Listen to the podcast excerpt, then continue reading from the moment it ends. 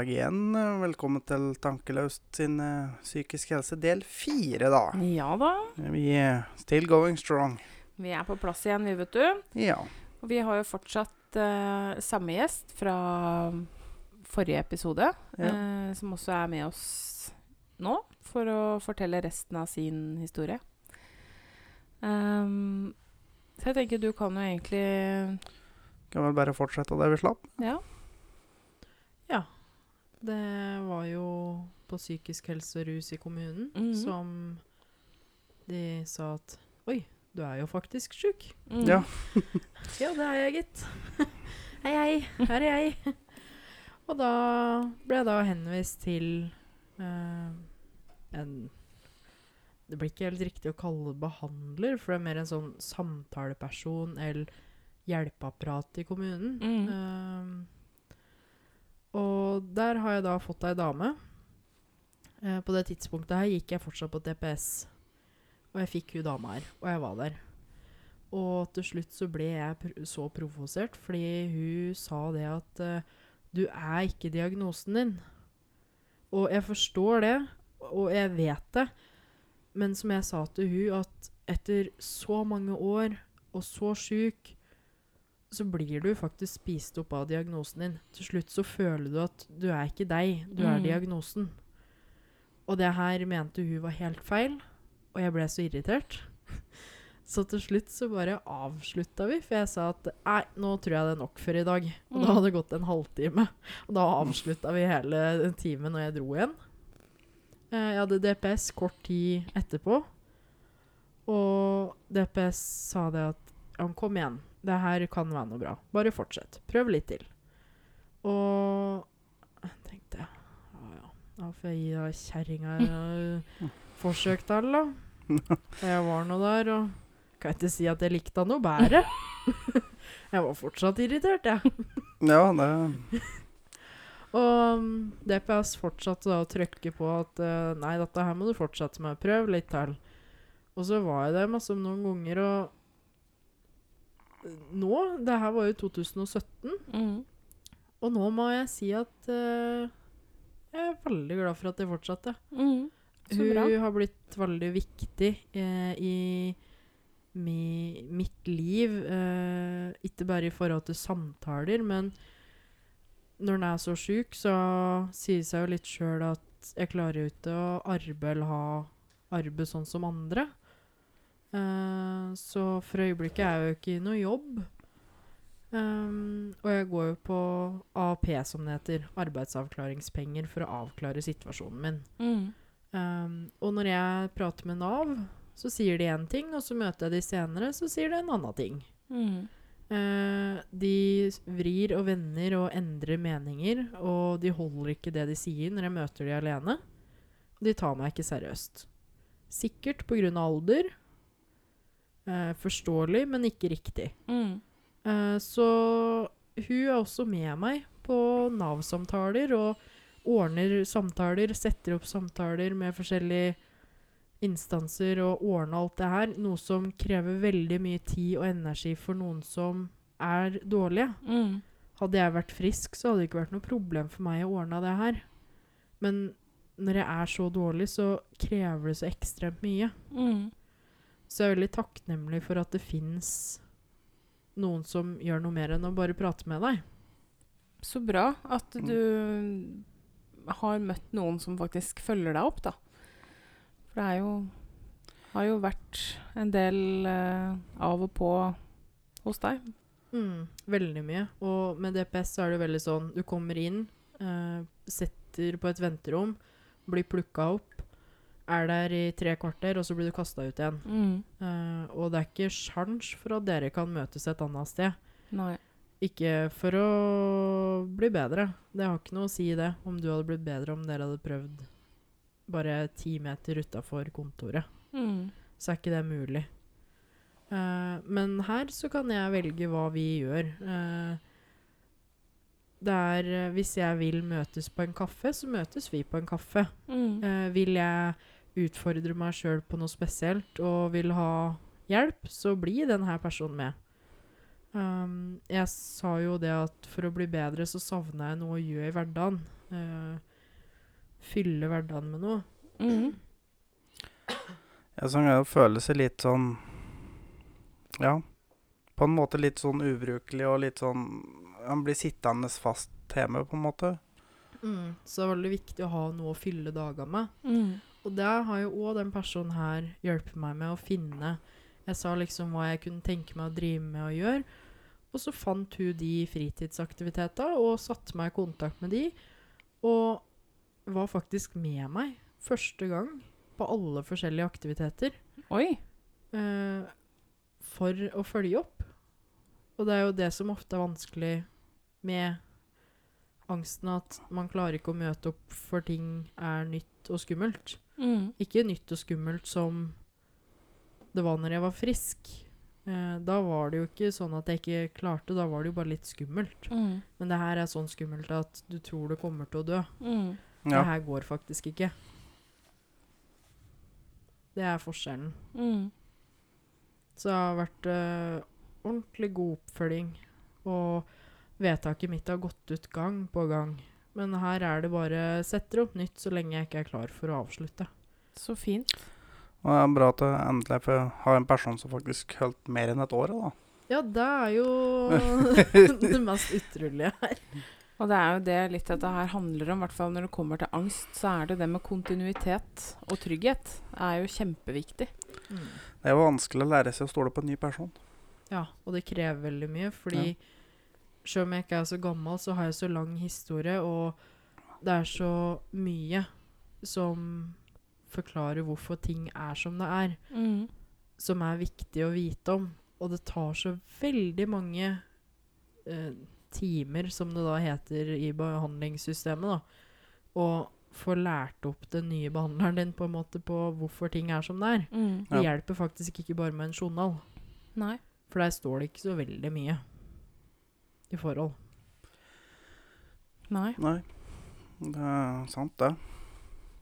Så, Men sånn eh, Du nevnte jo fastlegen din tok jo deg ikke på alvor uh, i starten. Har du bytta fastlege, eller har det forholdet med fastlegen din endra seg underveis? Det ble bare verre og verre. Ja. Han uh, latterliggjorde og gjorde rett og slett narr av til slutt, så jeg valgte å bytte. Mm. Og det er jo dessverre ikke bare fastlege som jeg har hatt sånne opplevelser med. Det har jo òg vært eh, legevakt. Eh, for eh, altså Angsten er ikke åtte til fire-jobb. nei. Det er døgnet rundt. Mm. Og spesielt for min del så er det kanskje kveld og natt som er ekstra utfordrende med de styggeste anfallene. Mm. Angstan, eh, angstanfall, da. Og som jeg nevnte i stad, at det er mye fysisk eh, Både det å miste følelsene og lammelser og sånn. Og første gangen jeg kom på legevakt med det her, så trodde de at det var hjernehinnebetennelse. Mm. Um, da hadde jeg mista følelsen i venstre arm, og den var så å si lam. Uh, fikk ikke brukt den. Og jeg hadde hatt eh, prikking og stikking i uh, huebunnen eh, over noen dager. Uh, min mor var da bortreist. Hun var i utlandet. Og dag to så var ting så ille at jeg havna på legevakta, og mor måtte finne seg fly og komme hjem. Oi. Um, og da uh, starta en skikkelig angstperiode. Og når jeg kom på legevakta da, og de trodde det var hjernehinnebetennelse, um, og innser at det var ikke det i det hele tatt, og jeg forklarer problemene mine, og jeg blir ikke hørt um, For når det ikke var hjernehinnebetennelse, så var du frisk? Ja, Ja. da ble jeg brått frisk, og jeg var jo 14-15 kanskje på det tidspunktet her. Jeg var langt ifra 18. Mm. Um, jeg var nok 15, og her uh, sier da legen på legevakta at uh, For jeg slet med å sove og roe meg til kvelden spesielt. Uh, selv om jeg hadde angst gjennom hele dagen og mista følelsen og lammelser og sånn, så brydde de seg ikke om det. Uh, det de skulle ta tak i nå, det var eh, søvnen min. Mm. Å bli roligere. Mindre Mm. angstfull. Da fikk jeg beskjed om å drikke vin og klatre i trær.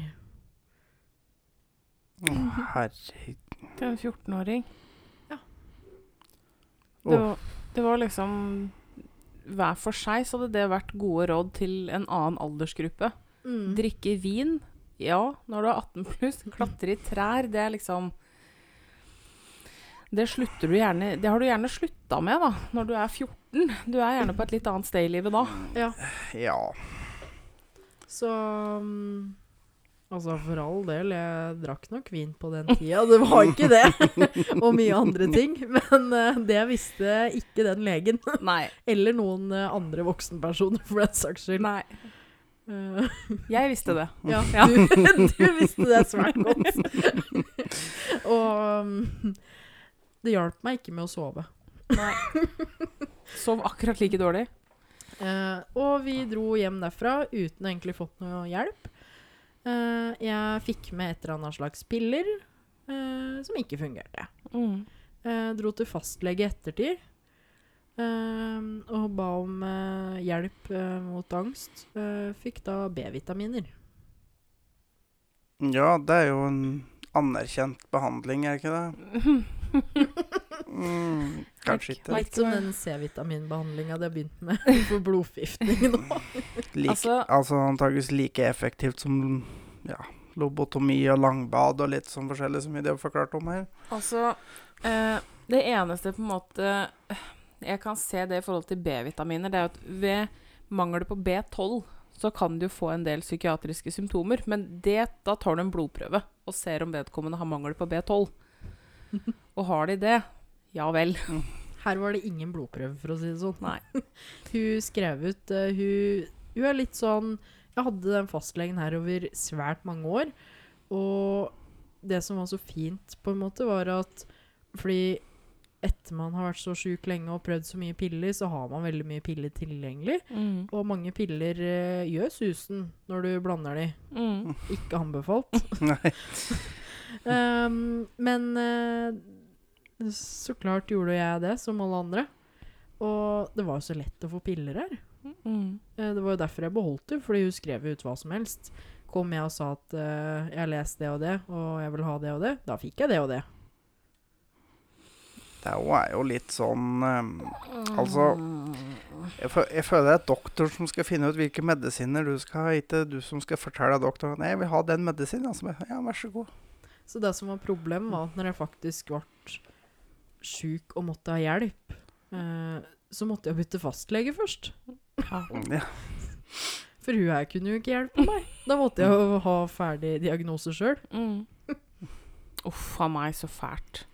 Så, men da ble jeg jo ikke tatt på alvor på legevakt. Eh, og det er jo ikke eneste gangen det har skjedd. Eh, Sannerud også har jo avvist meg. Eh, jeg ringte og sa eh, til Sannerud at eh, Fordi da var akutteamet nede fordi det var sent. Mm. Jeg ringer da Sannerud, som man blir satt over til, og sier at eh, nå, nå må jeg ha hjelp. Eh, nå skjer det noe som jeg aldri har vært borte før, og nå er jeg faktisk eh, redd for eget liv. Mm. Nå har jeg tvangstanker om å ta mitt eget liv. Det har jeg aldri hatt før, og jeg kommer til å være død innen klokka ni i morgen tidlig, sa jeg. Og da ble jeg møtt med at uh, ja, du har ikke noe beroligende piller du kan ta? Um, det, det, det er vel egentlig helst det en ikke Altså, det, det er vel det en ikke skal gjøre, da, da egentlig. Begynne å stappe inn på tabletter, for det Ja. Altså, nå ser ikke dere ansiktsuttrykket mitt, men Men eh, oppgitt eh, Ser ut som hun har lyst til å få tak i en eller annen å slå. Ja, altså, jeg, jeg kjenner jo at jeg, jeg blir jo veldig sint på dine vegne. Og det ble jeg sjøl da òg. Jeg sa at eh, Tror du virkelig jeg ringer her og ber om hjelp hvis jeg ikke trenger det? For det òg var en annen faktor ved at jeg kunne ikke bare ringe dit. Måtte jo liksom trenge hjelp, da. Mm. Og si at ja, jeg har tvangstanker om å ta mitt eget liv. Det har aldri skjedd før. Jeg vet ikke hva det er for noe. Jeg forklarte hvorfor jeg tror det hadde oppstått. um, og hva det kom av. Og at uh, her frykta jeg faktisk for eget liv, og jeg trengte hjelp nå. Mm. Og da sa de ja ja, da får du ringe legevakt, da. og jeg endte med at jeg måtte ringe legevakt fordi eh, på det tidspunktet her var jeg singel. Mm. Um, og da var det eksen min, som vi snakka om i forrige episode. Mm. Han var der. Og han sa det at eh, nå ringer du legevakt. Um, og jeg ringte legevakt, eller om han gjorde det. Og ble til slutt tatt inn, da. Ikke at de ville det, men jeg kom til slutt inn. og satt der på gangen, da. Og legevakt er den verste plassen å være for noen med metofobi. Herregud, Ja. for et smittehøl. Men uh, det pleier å gå bra, da. Og jeg satt der og tenkte at nå, nå skal jeg få hjelp. Og jeg var jo livredd, for jeg hadde jo ikke igjen mange timer å leve. Det her var jo sikkert eh, Kjenner jeg meg sjøl rett, så var det etter midnatt en gang. Mm. Mm. Så det var ikke igjen mange timer jeg skulle leve da. Og For det var det du følte, at det, dine timer var talte. Mm. Ja. Eh, jeg hadde tvangstanker om at eh, eh, For samme situasjon hadde skjedd eh, et år eller to tilbake, eh, Mm. hvor noen hadde dødd. Mm. Så jeg var sikker på at eh, når situasjonen har vært helt lik nå, og nå går klok klokka snart ut, Mm. eh, og jeg vil ikke at det skal være noen andre, så da må det være meg. Så jeg fikk Ja. jo tvangstanker om at nå må jo jeg dø. Jeg må jo forte meg å dø. Ja. Um, og sitter på legevakta der, livredd. Og så kommer det fanke meg ei dame inn. Med det jeg tenkte det hun kom inn med da, det var en drittunge. For den ungen, den spydde. Oh. Nei, nei, nei. Og her starter jo helvete. Ja. Jeg ber da om at uh, Halloisen, nå For det hadde vært rolig på legevakta. Vi var eh, bare oss der og et par andre som Du så at det var ikke spying som var problemet deres, for å si det sånn. Mm. Um, og da fikk jeg gå på bakrommet, da. Jeg fikk egen gang å vente i, og det får jeg heldigvis eh, Mm. når jeg spør om det der. Um, så da satt jeg der og eh, var relativt rolig, for største bekymringen min var at jeg snart skulle dø. Mm. Mm. Eh, så klarte å legge den spyinga litt på is, selv om det var en ekstra faktor som spilte inn da. Um, og inn til legen, da. Og legen sier at eh, Ja, nei, uh, det er sånn, ja. Ja, ja. Mm. Ja, nei, men det er så Tenker du sjøl at du skulle vært innlagt? Og sa at uh, ja, jeg tror det er eneste måten til å holde meg i live nå. Hvis vi skal prøve det, så må jeg bli innlagt nå, altså. Det For jeg klarer ikke å holde meg i live etter åssen klokka tikker nå. og der satt jeg da og prøvde å forklare, og Nei, men uh, det var, han skulle egentlig hjem igjen nå, han og så mye papirarbeid hvis jeg skulle inn på Sanderud. så Og spurte han eksen min, da, som da var min eks på det tidspunktet, om Mm. kan ikke du sove der og passe på at uh, hun overlever til over det tidspunktet i morgen? Og sa jeg, ja, men tenk om jeg Jeg klarer jo ikke det. Om jeg overlever til da, kan jeg jo like så godt ta livet mitt etterpå i frykt for at det Mm. fortsatt er tid til at jeg kunne rekke det. Ja, nei, har du mulighet til å ta fri i morgen, da? spør en eksen min. Og eksen min sitter der og får på en måte ikke sagt noe, for den legger jo orda i munnen på han. Ja, jo, ja, jeg får vel sikkert det, da. Og da endte opp med at eksen min måtte sitte barnevakt for meg, og igjen ansvar for mitt liv. Fordi det var for mye papirarbeid å legge meg inn. Jeg hadde tenkt at han hadde å gjøre noe. Vet du. Og det, dette syns jeg egentlig er en sånn gjenganger på legevakta, at de skal helst ikke gjøre noe. Jeg fikk med noen piller, da. Ja. Som alltid. ja, men det En er så enkelt å bare fikse det. Bare sånn, ta disse pillene her, så ordner alt seg. Altså, det er jo ikke til å stikke under en stol at eh, medisinering har jo vært et stort skritt fram i eh, psykiatrien. Det kan vi jo si. Men det er jo ikke løsninga. Nei, altså, det er Det er et kvi- hjelpemiddel. Altså, det er jo ikke ei hvilepute bare for at du ikke gidder å gjøre noe. Så æsj, ta et par tabletter, da, så ordner det seg. Det, det er jo ikke sånn det funker. Vet det, det er det Altså, jeg har hørt Jeg, jeg har samarbeida, hvis du kan kalle det det, mye med legevakta. Men det der er faktisk noe av det verste jeg har hørt. Så da endte det sånn at eh, min eks måtte da igjen være barnevakt for meg og mitt liv. Og miste en dag fra jobben. Uh, og det er jo greit nok, det holder jeg på å si sånn egentlig, men igjen Han var jo eksen min. Han hadde jo egentlig ingenting med meg å gjøre. Han bare var snill og skulle hjelpe meg den kvelden. Og da Når vi skulle ut igjen, da, så skulle Det her skulle gå fort, for han skulle hjem fra jobb, han legen der. Og da sender han oss gjennom det lille laboratoriumet de har da, for å ta blodprøver. Og da har jeg jo sagt det at jeg slet med tanke på den ungen som hadde sittet der og spydd, da. Mm. Og tror dere ikke at den ungen sitter der med bøtta innpå den laben som vi skal gå gjennom? Og det, det rommet, det er plass til to personer.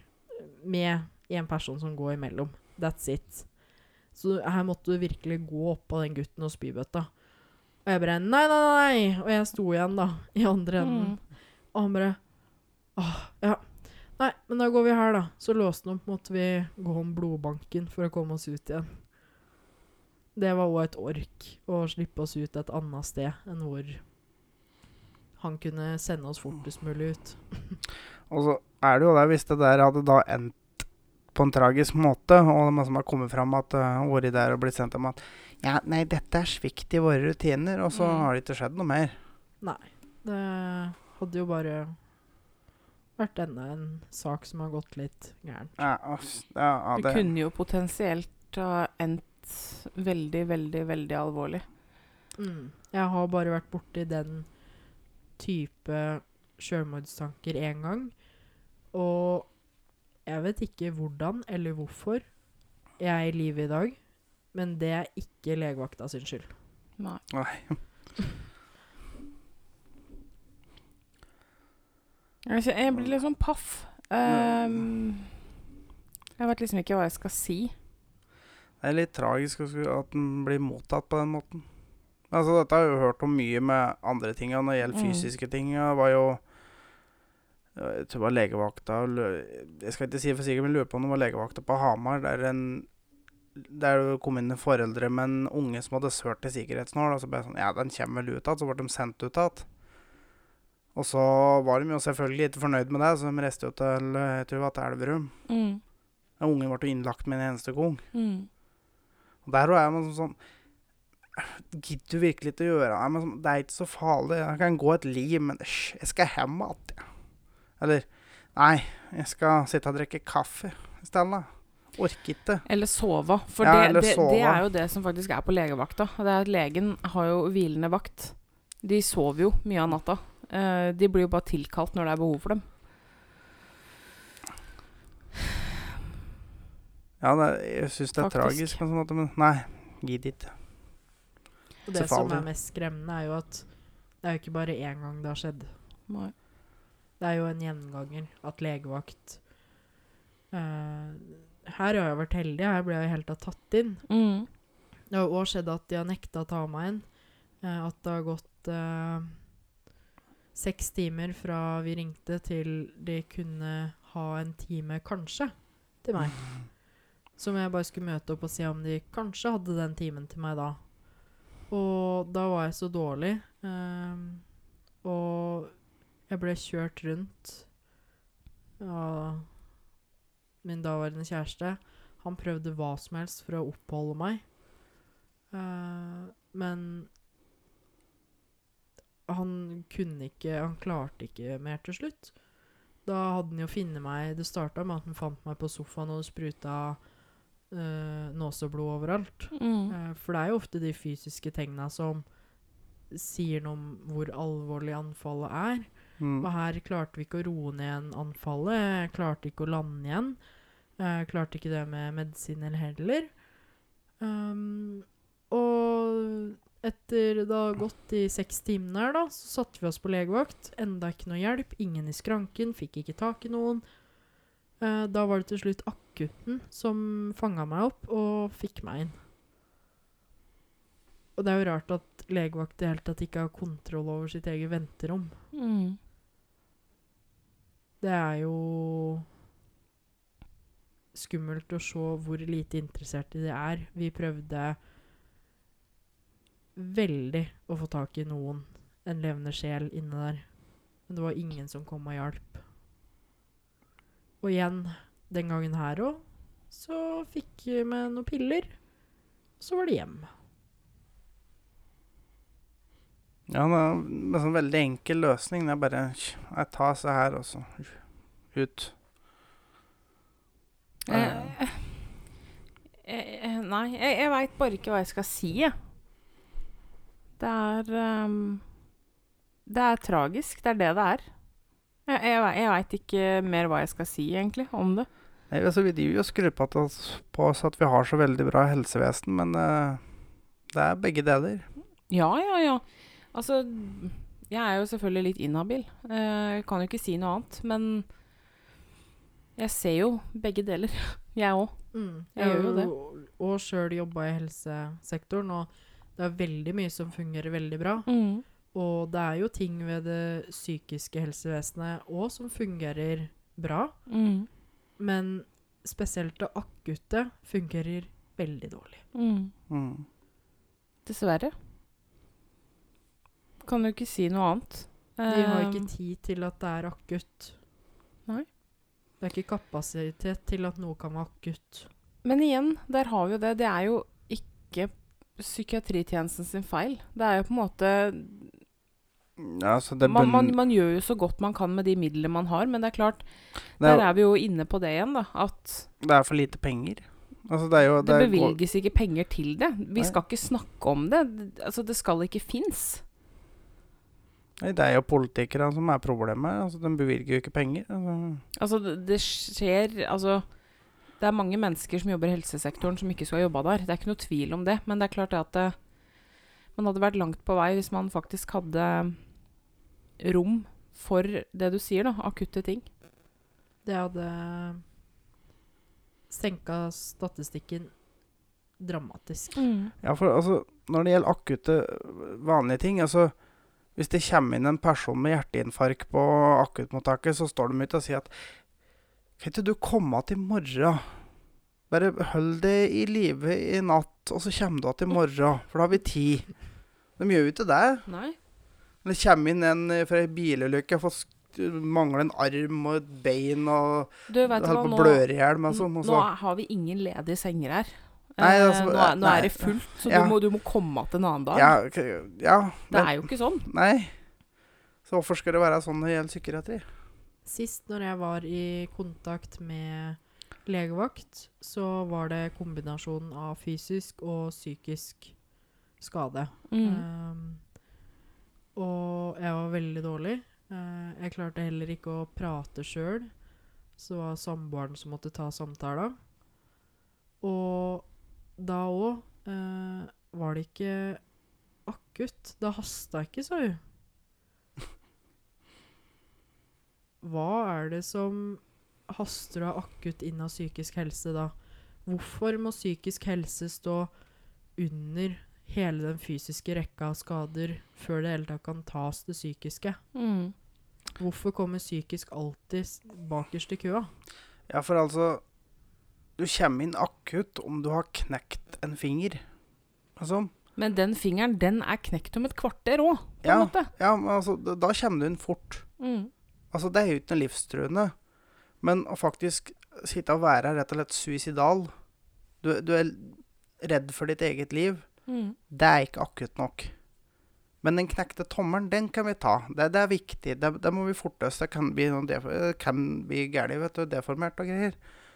Men den som da Det kan jo faktisk den som, repareres. Ja. Det kan jo faktisk opereres og repareres. Mens den som da kanskje i løpet av den natta som ble sendt hjem, at kanskje tok livet sitt, da, åssen skal du fikse det? det med sånn Og det er jo akkurat det som du nevnte i forrige episode, at nå etter um, at Ari Behn tok livet sitt, så jeg merka meg det veldig på nyhetene. Fordi den nederste linja der det står sånn um, Det kommer opp igjen og opp igjen. Uh, nyhetssakene på en måte bare er linje om uh, nyhetene. Mm. Der sto det jo nummeret til hjelpetelefonen. Mm. Søk hjelp. Ja, men altså, det hjelper jo ikke uansett hvor mye du søker hjelp, da, når du blir møtt med et rødt lys, på en Nei. måte. Nei. Vi har, vi har ikke tid til deg. Du, kan ringe 100 ganger, og det hjelper ikke når de ikke svarer, eller Og så er det jo noe med det ikke har tid til deg. Og så er det jo noe med det at hjelpetelefonen, selvfølgelig, det er vel og bra. Det, det er jo et kjempefint tiltak, Ja, men for all del. det er, jo, det er jo ikke der man må putte inn ressursene, på en måte. Eh, for når det står om liv, så ringer du ikke hjelpetelefonen. Nei, altså, da, da må du ha tak i Ja. Kyndig hjelp kyndig der og da. personell, og du må Ja. Det nytter ikke bare å sitte og prate med noen på telefon. Nei. Og en myte som vi kan ta livet av, det er faktisk akkurat det at det sies at de som sier at de skal ta livet sitt, de tar ikke livet sitt. Det er feil. Mm. Min onkel blant annet søkte hjelp, Mm. Eh, men ble rett og slett avvist fordi han sa at han ville ta livet sitt. Mm. Og folk som sier at de ta, skal ta livet sitt, de gjør ikke det. Onkel tok livet sitt. Mm. Ja, altså det, det, det er ytterst sjelden at du bruker det der, eller at du sier det uten å gjøre det. Det er noen få, selvfølgelig, men i utgangspunktet, hvis noen sier at de skal ta livet sitt, så ta det på alvor. Og så sier man jo det at det er et rop om hjelp, og det Ja. er jo det. Fordi når Det er jo et siste rop om hjelp om at 'nå har jeg tenkt å ta livet mitt'. Er det noen som har tenkt å hjelpe meg? Nei? OK. Da kan jeg ta livet mitt, på en måte. Ja. Selvfølgelig, det er jo et rop om hjelp å si at du har tenkt å ta livet ditt. Det er jo ikke det. Men, men det er jo ikke dermed sagt at du faktisk ikke har tenkt å gjennomføre det. Du trenger hjelpa, Mm. ja. og det er nå. Mm. Ikke om tre måneder når de har tid, eller Nei. plass til deg, Nei, Nei. men nå. for da, da er det for seint. Men det, men sånn. Eller kan være. Jeg kjenner at um, jeg, må, jeg blir litt sånn tom. Um, tom for ord. Jeg, Ja, oppgi, oppgitt og litt grinete på mange måter. Og det er, det er jo kjempetrist å høre. Og det har jo, jeg har jo kjent deg noen år. Og det er jo Ja, jeg har jo visst noe av dette her, men det er liksom å få det så på detaljnivå Man blir litt sånn Man blir ofte bare den personen med angst. Mm. Det er, folk vet ikke hva angsten er, de vet bare at den personen har angst. mm. Og det er så mangt, som du sa i stad, at ingen med angst er like, og ingen opplever det likt. Nei. Nei. Um, og angsten min Noe av min angst er veldig håndterbar. Uh, ingenting merkes. Uh, forrige episode hadde jeg jo til og med angstanfall, og jeg tror ingen merka det. Nei. Og, men jeg kunne like så godt tatt et anfall som jeg satt der og ikke fikk puste, og jeg rista og jeg ikke hadde kontroll over min egen kropp. Mm. Og jeg det- velger ikke hvilket anfall jeg får. Og det um, Det er det som er, da. Det er så uforutsigbart. Uh, og det Når jeg spurte deg om det her, uh, da sendte jeg deg en melding og liksom forklarte litt hva vi hadde tenkt til å gjøre, og om du hadde lyst til å komme og uh, snakke med oss. Ehm, så fikk jeg et kort svar tilbake. Så utrolig koselig at du spør. Jeg har ikke kan ikke ta stilling til det nå, svarer deg seinere. Jeg bare OK. Ja. Helt greit. For det er, noe, det er uforutsigbart, og det, er jo, det fikk du jo også beskjed om før du kom hit, at dette tar vi når du føler for det, og må du melde avbud for at du er i dårlig form, så er det jo helt greit. Det er det Mm. som er så vanskelig med mm, psykiske lidelser, at det er så uforutsigbart alt. Ja, for altså, du kan ha en helt fantastisk dag, så våkner du dagen etterpå, og alt suger. Livet er helt dritt. Det Mm. er så Ja, altså, du, du kan ha hatt verdens beste dag, og våkner dagen etterpå, så er det verdens verste dag. Mm. Jeg har nå hatt tre dager med angst konstant gjennom hele døgnet. Og før i dag òg hadde jeg veldig stygge angstanfall, som samboeren min sa at skal vi droppe at du drar senere i dag på den Mm. podkasten? Og sa jeg nei, det her er viktig, det her er noe jeg vil gjennomføre. Mm. Og man må kjenne sin egen grense. At noen ganger så måtte jeg kanskje OK, vi må faktisk ta det senere. Mm. Det var viktig å pushe seg sjøl og lære å kjenne egne grenser. At ubehaget er jo ikke skummelt. Det er jo ikke farlig. Eh, det oppleves farlig. Mm. Men eh, det er viktig å prøve. Og heller avbryte da, hvis det ikke går. Mm. Og Ja. det kommer man langt av å lære å kjenne sine egne begrensninger og fortsette å pushe sine egne begrensninger. For de er ikke like dag til dag. Og det er jo akkurat det Altså, det gjør meg veldig ydmyk um, at både du og um, Trine har vært her og snakka Ja. om, om dette her. Fordi jeg, Og jeg veit jo, jeg så jo Har prata mye med eh, Trine om det her i, både i går eh, og i dag. Vi la jo ut del én i dag tidlig. Eh, hun var kjempeengstelig Ehm, i forhold til hva folk skulle si, reaksjoner. Ehm, og hun sa i forkant Hun har, siden vi spurte, hatt det hun kaller angstpust. Mm. Ehm, Rett og slett slit med å puste. for får den overfladiske pusten der det egentlig kjennes som det bare Det stopper i halsen og Du Du- puster i øvre del av lungen. Mm. Ja, det er veldig altså, du- typisk. mm. Ja. og, Og den der har jo jeg hatt veldig mye. Og den at du, rett og slett hyperventilering og Ja. Og det har hun hatt nå, og sovet veldig lite fordi hun visste at hun skulle hit, men for hun òg så var det en viktig ting å gjøre, da. Men det er jo, som du òg fikk beskjed om, eh, er jo at Orker du ikke, så orker du ikke. Nei. Nei, altså, det er jo det som vi Og som vi er òg heldige med slike ting som dette her, da, at vi eh, Vi har jo ikke en studio og et studiotid, så om det masse ikke hadde passa i dag, så nei, men da hadde vi tatt det neste elg eller om 14 år. Det, har- det har ikke spilt noen rolle. Eller om en Så da- måned, ikke sant? Ja, for eksempel. Da har vi ikke spilt noen rolle for oss. Det har blitt veldig sånn Etter jeg ble så sjuk som jeg har blitt, så er det veldig sånn Livet skjer. Mm. Både på godt og vondt. Eh, Mm. Og jeg kan ikke ta stilling til i morgen. Jeg kan ikke ta stilling om hvordan ting er om ti sekunder. Fordi det svinger. Og det er så typisk borderline. Mm. Det er, det, det er ikke så mange som kjenner til borderline. Men Det har vel egentlig fått nytt navn. Det heter vel egentlig ikke borderline lenger. Emosjonelt ustabil ustabil ja, på norsk så tar man På norsk, ofte den. ja. Mm.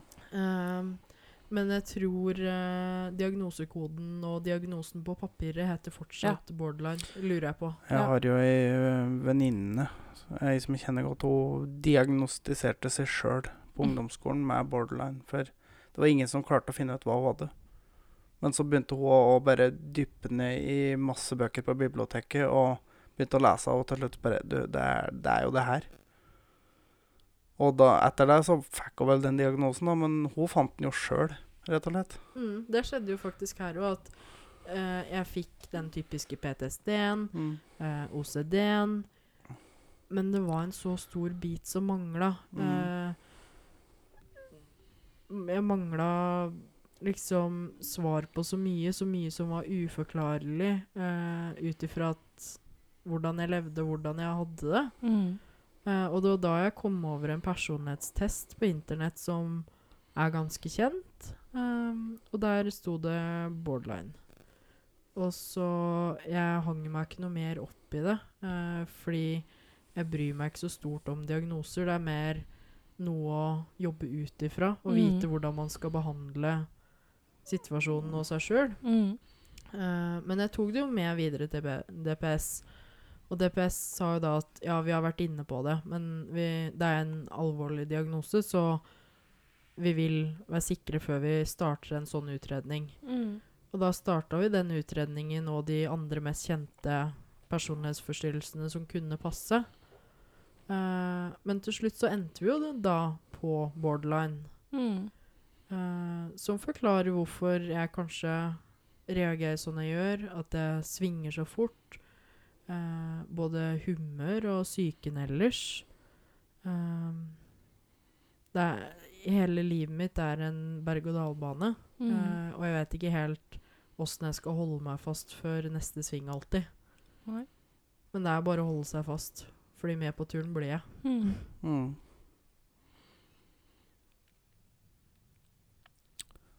Ja, det er ehm, Ja, for det er jo det som den norske betegnelsen emosjonelt ustabilt. Mm. Og da er det jo òg veldig vanskelig dette med jobb og sånn, fordi at eh, Du kan liksom ikke bare møte opp på jobb når en føler for og sånn, så det blir jo veldig vanskelig å ha en jobb, da, sånn Mm. sett. Og jeg, det er jo Så- viktig å si at jeg vil jobbe. Ja. Mm. Jeg er veldig glad i å jobbe. Um, jeg lå ned på Nav og ba på mine knær. Vær så snill, sett meg ut i et tiltak. Gi meg en jobb. Mm. Og da sa Nav at nå vet vi ikke helt hva vi skal gjøre, for det her har vi aldri opplevd før. Og det tror jeg på. Um, Nei, for altså, det er jo noe med det å liksom, ha noe å gå til, men problemet er jo det at uh, du kan ikke møte opp på mandag og være der i to timer, men som også kommer du torsdagen, liksom. Altså, Kanskje. Kanskje. Mm. Det, det blir jo veldig vanskelig for en arbeidsgiver å forholde seg til, så det er jo Og det var jo som eh, forrige gjesten vår òg uh, snakka om. eh, hun òg ønska jo å jobbe mer enn noe annet. Prøvde seg på jobb i perioder. eh, men det er jo sånn som hun sa, at selvfølgelig Og hun hadde jo arbeidsgiver med på laget, eh, for hun blei jo sjuk mens hun var i jobb. Eh, hadde Nav, arbeidsgiver, fastlege, alt i ryggen. Hun prøvde seg på jobb. Um, men, men det fungerte ikke, for det er som hun sa at um, hun har jo, er jo bipolar. Så der òg svinger det jo mye. Uh, og det er sånn som jeg sa at da kunne hun ha en manisk episode hvor hun jobba fulle dager uh, i kanskje to måneder, og så var det krasjlanding, og da hadde vi fire måneder flatt med gardinene trukket for. mm. Og det er klart at det er jo Arbeidslivet er ikke lagt opp sånn. Nei, det er det som er litt problemet. At eh, du skal jo møte opp på jobb klokka sju og jobbe til tre. Mm. Fem dager i uka helst. Det er meg som Mm. Ja. Jeg har Det- fått veldig gode muligheter eh, gjennom Nav, Mm. og jeg har prøvd veldig mye forskjellig. Mm. Jeg har òg gått til eh, personer som er spesialisert på det med sykdom og jobb, Mm. som nå har satt meg ut i en jobb og sa at her er det egentlig ikke så mye håp. Vi gjør det for dokumentasjonen sin skyld. Mm.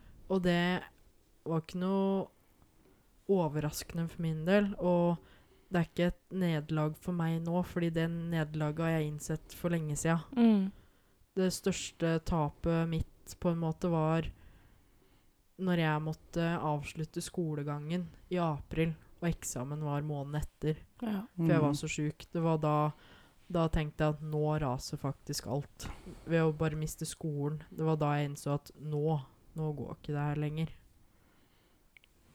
Det er jo sånn som vi snakka om eh, med Trine som var her òg, at det er, jo, det er jo en så stor del av identiteten. ikke sant? Det her med hva du sysselsetter deg med. Og det er jo, sånn er det jo med alle rundt oss. Eh, når du får vite at Altså, når folk får vite at jeg er sykepleier, så har de med en gang et stempel på meg. Mm. OK, du er en sånn. Ja, for det er jo sånn der sånn Du møter nye personer, og så hei, og så er det navn, og så, så Hva jobber du med? Ja, hva jobber du med? Så, det- ja. Det er en så stor del av identiteten vår. Mm. Og det er kanskje I starten så var det kanskje et av de vondeste spørsmåla å få. Mm. Hva er det du driver med? Mm. Nei, jeg driver egentlig ikke med noe. Jeg har Ja, da- bare angst hele dagen. Ja. Og da får du den der Å, en sånn som ikke gidder jobbe. Mm. Mm. Ja, den Ja. har jeg fått så mange Ja. ganger at uh, Og det det gjør, er, gjør, hjelper jo ikke på. Men sånn akkurat. Det, Og det er Det fins garantert folk som har jugd på seg sykdommer uh, for å slippe å jobbe. Mm. det er jo Men litt jeg hadde heller jobba 150% resten av livet enn å måtte være syk. Mm. Ja, for altså, det er jo det som òg blir litt problemet, fordi at det er folk som utnytter dette her og ljuger på seg sånn for å slippe å jobbe. Og da, de som da faktisk er syke, får jo den slengt i trynet. Mm. For det, så lenge det ikke synes, så ja. Det er så lett for folk å bare stemple deg. Ja. Mm. Når du ikke jobber, da er du Mm. ingenting. Og de forstår ikke at du vil jobbe. De tror ikke at du vil jobbe heller. Nei, nei. Selv om jeg sier at Ofte blir man jo spurt hvilke mål og håp og drømmer man har når man er sånn sjuk sånn som jeg er. Mm. For man skal ha noe å se fram til.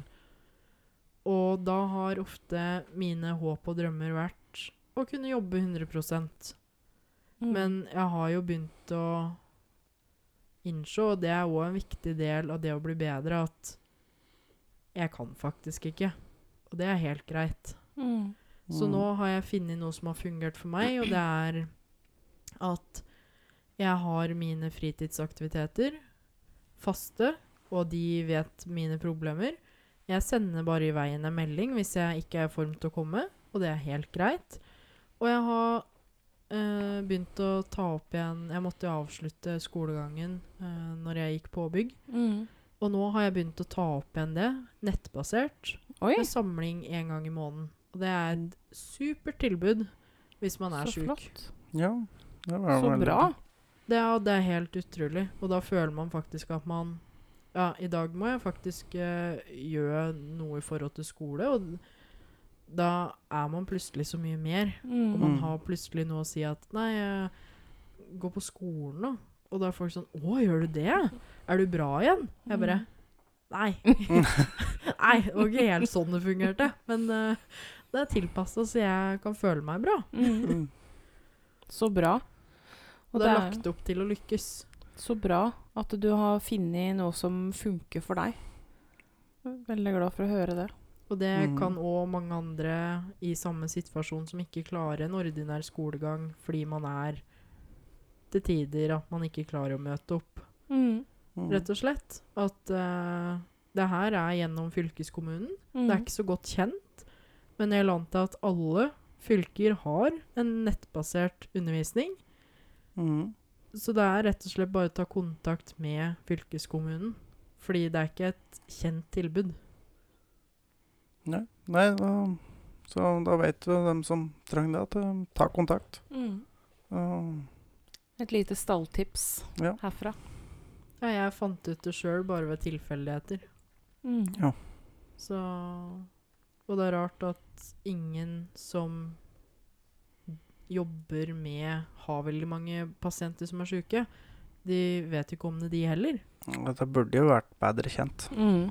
Dette Ja, for det er jo som du sier, et veldig godt tilbud til dem som på en eller annen måte ikke har mulighet til å sitte på skolebenken eh, på den vanlige måten. Og da blir man òg mer rusta for en hverdag hvis man blir bedre. Mm. Fordi nå stiller jeg mye sterkere allerede ved, bare ved å fullføre påbygg, så er jeg mye sterkere til å på en måte kunne leve et normalt liv hvis jeg blir bedre. Mm. Ja.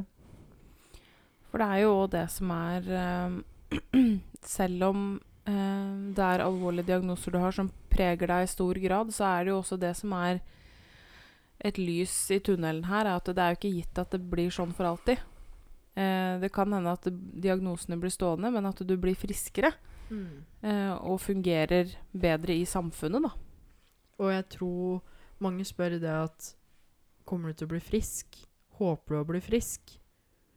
Og jeg håper ikke på å bli frisk, for jeg vet ikke hva frisk er. Nei. Jeg har alltid vært sånn her. Jeg, jeg kjenner ikke til noe annet. Så for meg så er det viktigste å få en hverdag som fungerer. Mm. Et eh, liv som er verdt å leve. Mm. Og finne lyspunkt i hverdagen. Det er jo det som er viktig. Ikke Mm. å være frisk. Ingen er friske. Og det er det som jeg tenker og er ekstremt viktig at vi alle husker på, er at alle har sitt. Um, som jeg snakka litt om i Det var vel del én. Um, at jeg sleit mye med depresjon fra jeg var elleve, tenker jeg. Helt fram til Altså, jeg har jo fortsatt dårlige perioder, men jeg er jo Jeg vil jo anse meg sjøl som frisk eh, fra det nå, men jeg snakka jo ikke om det, ikke sant? Det er jo kjempetabu. Eh, det var Altså, Jeg følte jo veldig på det, at det er jo ikke noe man snakker om. Eh, men når jeg faktisk begynte å lette litt på lokket eh, og fortelle litt om det, så blei jo folk helt svimeslått. Hæ, du? Sola. Ja, Mm. du som er så blid og positiv.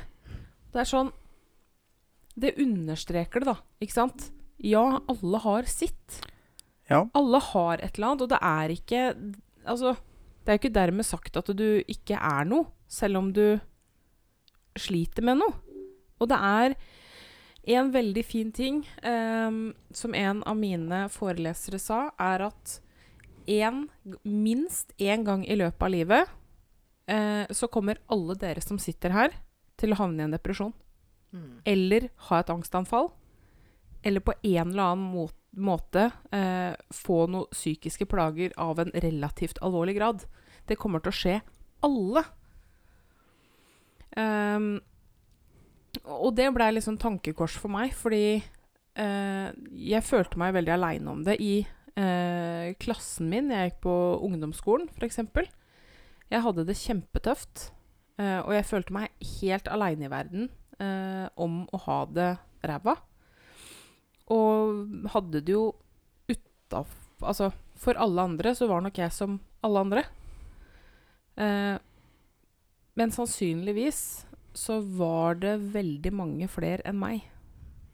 Og sikkert mange som sleit mer enn meg òg, ikke sant? Så det, det, er viktig at vi har litt i bakhodet der òg. Det er veldig lett å si jo veldig standard å si 'gjør mot andre som du vil at andre skal gjøre mot deg', men det er faktisk noe med det at du, du veit ikke hvem som hvem som sliter, og hva folk sliter med.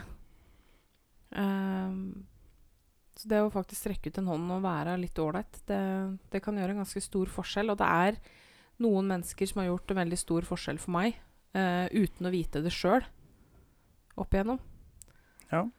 Ehm, man, har, man, man aner ingenting om Med mindre folk velger å være åpne om det, så, velg, altså, så veit du egentlig ingenting Ja, om hvordan folk har det inni seg.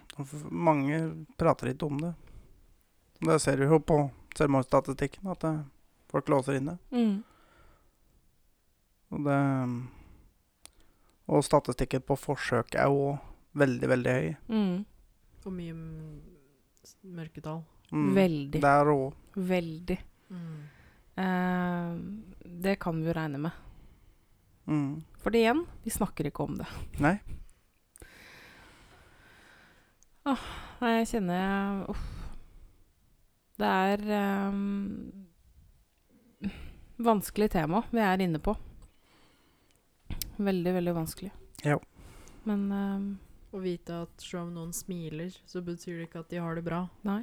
Og Nei. det var jo samme fastlege som avfeide meg og sa det at det var veldig alvorlig. Så sa han samme gang at Men du kom jo inn her og smilte.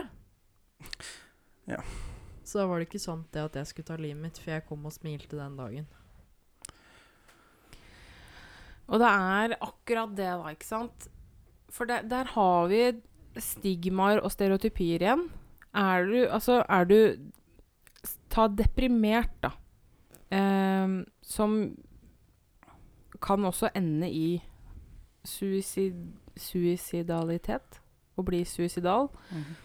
Eh, du har jo Nå har det faktisk kommet en Kall det en diagnose, eller en underdiagnose av depresjon. Eh, og det er å være altså, velfungerende deprimert.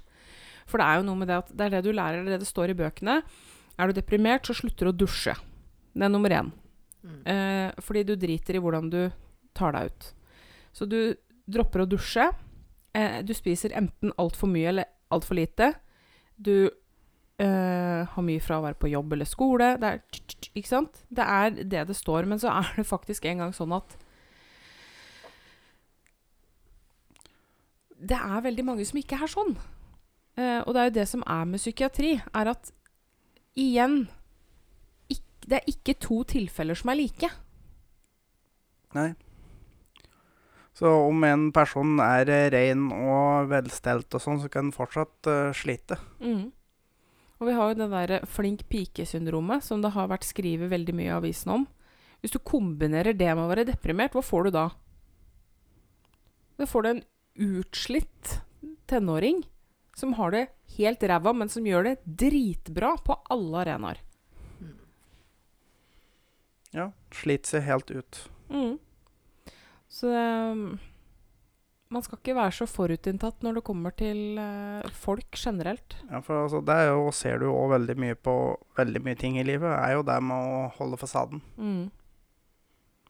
Det er jo Altså, folk har jo havnet i, i djup gjeld og greier for at du skal holde fasaden om at du har mye penger og du kjøper mat og ting. Og det, det kan overføres på alt mulig. Altså, du, du kan se bra ut og dra på et smil, men på innsida så ja, kan du ha det helt jævlig. Mm. Det er noe jeg kjenner meg veldig igjen i. Ja. Um, fordi det kan virkelig på hjemmebane være skikkelig, skikkelig, skikkelig dårlig. Og sjøl de nærmeste oppfatter det ikke. ikke sant? Det kommer helt an på hvor mye du legger i å skjule det. Ja. Ofte så blir det Det blir en del av deg, og det blir så hverdagslig, så folk ser det ikke til slutt. Mm. Og, og så går det så gradvis. Ja, Mm. Og det er nok alle, på en måte. Eh, mine nærmeste vet jo at jeg har slitt med angst i alle år. Mm.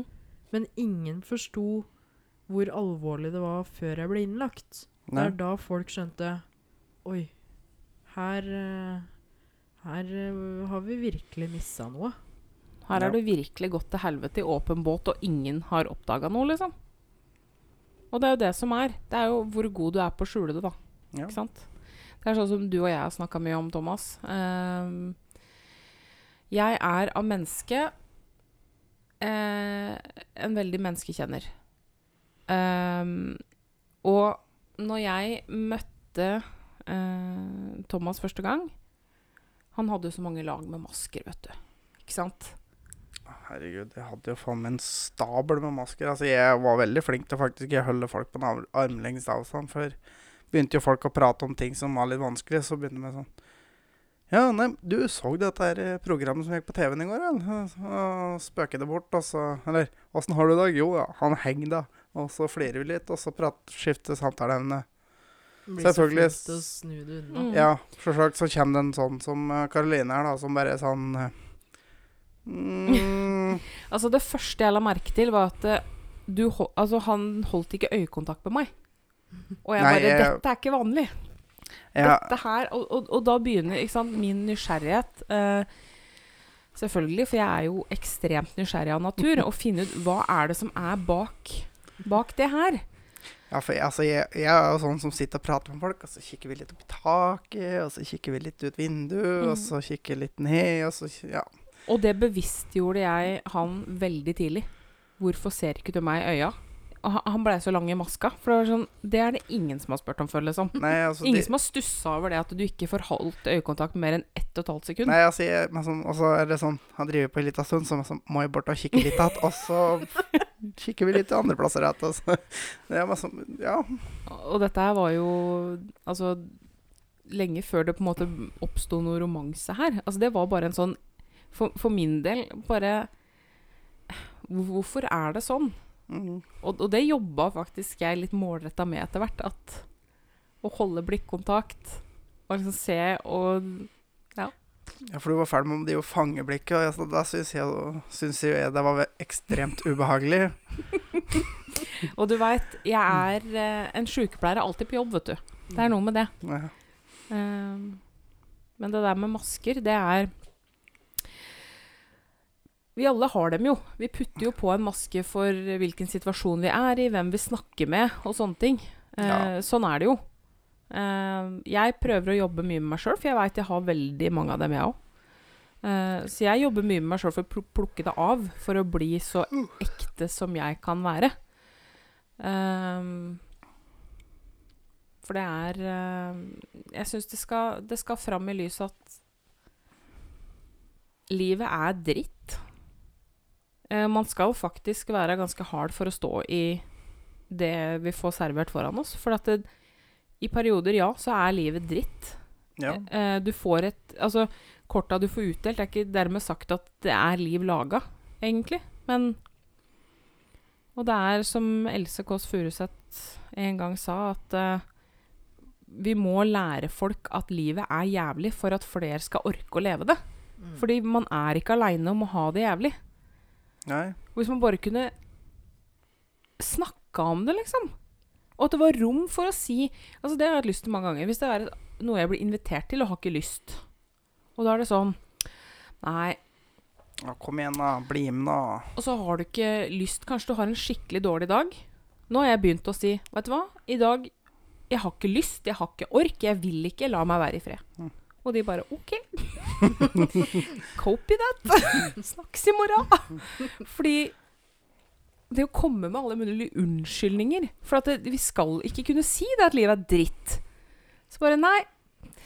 Jeg har en time hos frisøren klokka da, og så, skulle jeg egentlig vært hos bestemor. Og så, sant, så har vi det gående, for det er legitimt.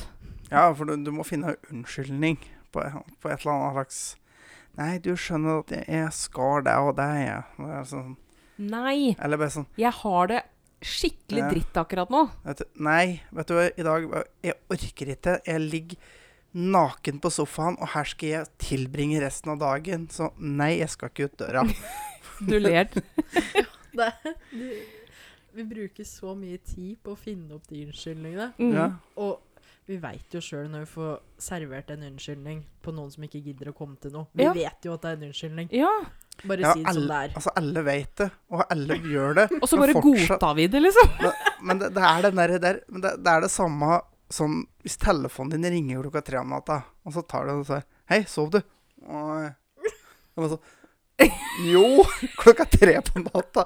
Det er lov at du lå og sov klokka tre om natta. Trenger ikke å lage en unnskyldning for det. Nei, nei, jeg er våken, jeg. Vi skal, vi skal være så jævla høflige, liksom. Vi må slutte å være så høflige. Jo men, jo, men helt alvorlig talt, vi må flytte det litt. Fordi ja, vi skal være høflige og greie med hverandre. Men da får vi være det. Og så får vi drite i å være så høflige når det er noe vi ikke har lyst til. Vi får være litt ærlige også. Ja, Ja, det ble sånn der det er Ja. faktisk kjempeviktig. skal du, skal du være med på kino og se den filmen? Vet du hva? Jeg har ikke lyst til å se den filmen, jeg. Nei. Jeg, sånn, jeg har ikke lyst til å reise bort i dag, jeg. Og vet du, det der skulle jeg ønske jeg jeg gjorde. så-. Samme er det sånn Ja, kan jeg komme på besøk, jeg? Du vet, vet du, i dag har jeg ikke lyst på besøk. Og Men, men det er sånn Og det må være Nei, lov å si. Jeg skal, jeg skal bort. Nei, altså, du skal da? Um, til bestemor. ja. Ja. Og det tar Som er død. Ja. ja. Du er ikke bestemor di. død. Ja, jeg skal på kirkegården. Altså, det er jo det som er, ikke sant? Ah, og vi skal være så høflige, vi skal ha så mange masker på oss Ja. bestandig. Nei, altså, vi må være flinkere til å bare sånn Nei. Og Har det, ikke han, lyst. og det handler jo om å passe litt på oss sjøl, ikke sant? Jeg har jo brent meg på det mange ganger. I perioder hvor jeg har vært kjempedeprimert. Altså da type Altså, jeg har jo vært i jobb. Eh, jeg har jobba jo 100% og vær så det. Eh, som da medførte at jeg møtte veggen. For at jeg skjønte ikke sjøl at vet du, nå må du slappe av litt. Fordi at ja, jeg jobba 100% i turnus. Pluss, pluss, pluss, pluss. Eh, og så skjønte jeg det ikke før det var for seint. Men da må det faktisk Vi kunne være flinke til å si at eh, Vet du hva, i dag er jeg sliten, og jeg vil være i fred. Og så skal det være altså, Alle har det sånn. Så de aller fleste har jo men som sånn at Nei, vet du, i dag vil jeg være aleine. Det, det må være lov, det. I dag vil jeg bare være hjemme i joggebukse. Liksom. Alene. Aleine. Til nød kan samboeren min få lov til å være hjemme, liksom. Ja, ja, det er sånn. Så vidt. Så vidt. Og han kan gå på rommet sitt. Ja. Det blir liksom skal, Du skal få lov å være hjemme hvis du er på et annet rom. ja. Og helt stille. Altså, vi må passe litt på oss sjøl, rett og slett. Det er, det er jo det det handler om. Og så må vi være flinkere til å passe på hverandre og, ha, Ja. og ha, gi folk litt slack. Ja. Og så er det nok viktig å huske på det tanteungen min sa til meg, eh, var det at uh, hun er bare fem. Mm. Da sa hun at eh, Tante, etter regnet, da kommer sola. Åh. Og det er jo sant. Det er så reflektert, vet du. Det er Så liten. Mm. Og så smart. Altså. Det er eh, Ja. Hun har en lysende framtid foran seg, i hvert fall. Absolutt. Mm. Hun er så klok. Ja, men, men det er viktig å ta med seg, faktisk, akkurat det der. Og så er det rett og slett å fortelle folk at du er glad i dem. Mm. I stedet for å stå på kjøresykkelen og fortelle dem, kan du ikke heller fortelle dem om er i livet. For det, det er egentlig da du trenger å vite av det. Og herregud, så stor forskjell det kan ha å si. Det er. Alt. Mm. Ja, så det, det kan være life and death, rett og slett. Mm. er det. Men da Du har jo allerede kommet med et lite visdomsord her. Eh, Mm. Men har du noen konkrete råd til noen andre som sliter? Søk hjelp. Får du ikke hjelp, si at du skal ha hjelp. Mm. Ikke gi deg. Nei, og hvis du ah, syns det er vanskelig sjøl, spør en venn. Kanskje Du har sikkert en venn du, Alle har en sånn. Den personen som står og kjefter på personen i kassa på butikken. Det er en person som klager på maten de får. Alt mulig. Du har en sånn venn. Få den vennen til å hjelpe deg. Bare si det, du. Hvis det er noen som vil ta kontakt etter denne episoden her, eh, sjøl om jeg er anonym, så har jeg jo en anonym Instagram som til tider har vært veldig aktiv, men i andre tider har I bedre tid som jeg kanskje på en måte har angra og fjerna innlegget igjen. Mm. Så arkivet har blitt stort med åra. og for øyeblikket som ikke har vært i bruk igjen, Mm. eh, er da Prosjekt Livet. Mm. eh, som det er mulig å ta kontakt. eh, som er rett og slett en Instagram for å komme tilbake til livet. eh, et verdig liv å leve. Mm. Eh, Og ellers så, hvis det er noen spørsmål, så kan dere sende det inn til oss, og så kan vi videreformidle. Mm. Kom gjerne med tilbakemeldinger og fine ord. Det setter vi veldig pris på. Både til oss og til gjesten vår her. Og her har dere også da Instagram-profilen Prosjekt Livet, eh, Mm. som hun står bak. Hvis dere ønsker å komme i kontakt. Ja. Mm. Er det noe mer du har lyst til å si? Jeg vil takke for muligheten, og setter veldig pris på at jeg fikk fortelle litt av min historie og mine erfaringer, på både godt og vondt. Man skal ikke sette Helse-Norge i bås for verken at det er bra eller dårlig. Det er ting som fungerer, og ting som ikke fungerer. Eh, Men det viktigste er å be om hjelp, og kreve å få hjelp. Ja. For du har rett på hjelp. Mm. Og hvis du sliter med å kreve det sjøl, så Alle har en sånn venn. Mm. Mm. Eller en mor, seg. eller en Ja, en- far, ja. eller en tante, eller en onkel. En familie. en Én person er der. Ja. Alltid. Da tusen, tusen, tusen hjertelig takk for at du hadde lyst til å komme. Uh, jeg er veldig ydmyk. Jeg er veldig, veldig takknemlig. Mm. Det har vært uh, Håper, som jeg sa etter eh, Etter del to, at eh, hvis vi har klart å nå inn til én her, så er det verdt det. Ja. Og vi har faktisk snart spilt inn Ja, vi har spilt inn godt over fire timer med podkast i helga. Jeg, men det, har, har vi nådd inn til én person, har vi gjort én, så er det hele verdt det. Mm. Det er det virkelig.